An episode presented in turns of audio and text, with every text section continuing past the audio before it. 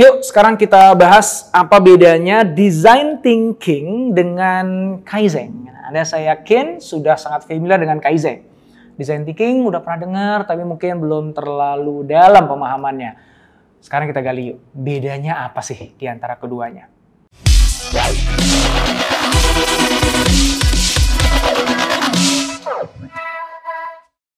Dengan design thinking menjadi semakin mainstream, banyak perusahaan yang tidak hanya mengadopsi design thinking sebagai proses inovasi, tetapi juga mengadopsi nilai-nilai design thinking untuk membentuk budaya inovasi yang baru di perusahaannya.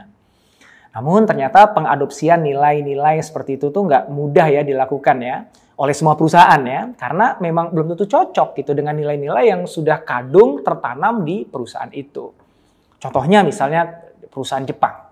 Ya banyak perusahaan Jepang yang budaya kerjanya sudah lama terbentuk oleh nilai-nilai Kaizen.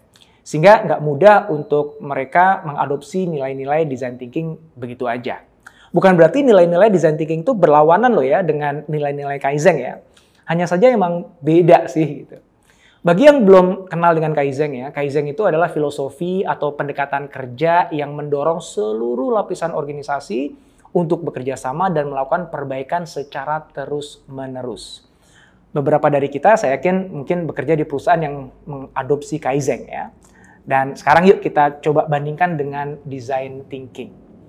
Secara mendasar, prinsip Kaizen dan design thinking itu cukup berbeda ya, walaupun sasarannya adalah sama-sama adanya perbaikan, penambahan nilai.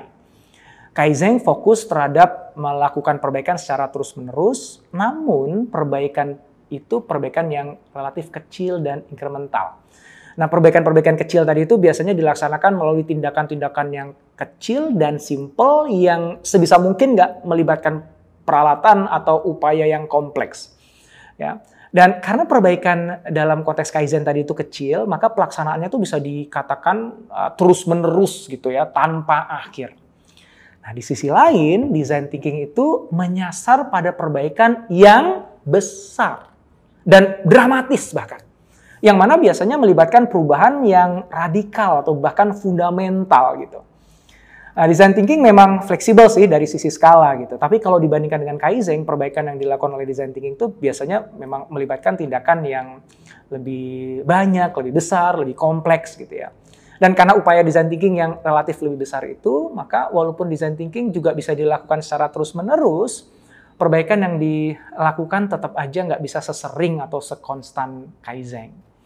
Nah, meskipun demikian, proses design thinking bisa aja sih diadaptasikan agar supaya lebih Kaizen gitu ya. Ya caranya gimana? Ya kita bisa membuat proses prototyping atau testing itu dilakukan dengan lebih cepat ya sehingga siklus iterasinya itu bisa lebih pendek, pendek, pendek gitu ya.